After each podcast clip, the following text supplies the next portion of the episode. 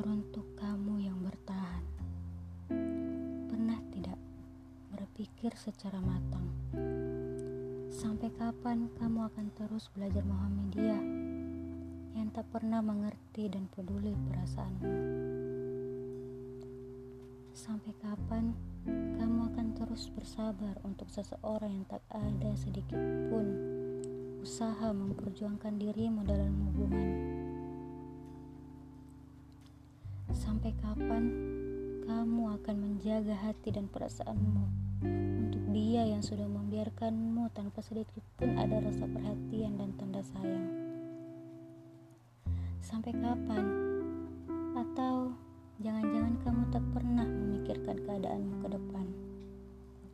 Hanya karena terlalu buta melihat kenyataan. Hanya karena terlalu menyayangi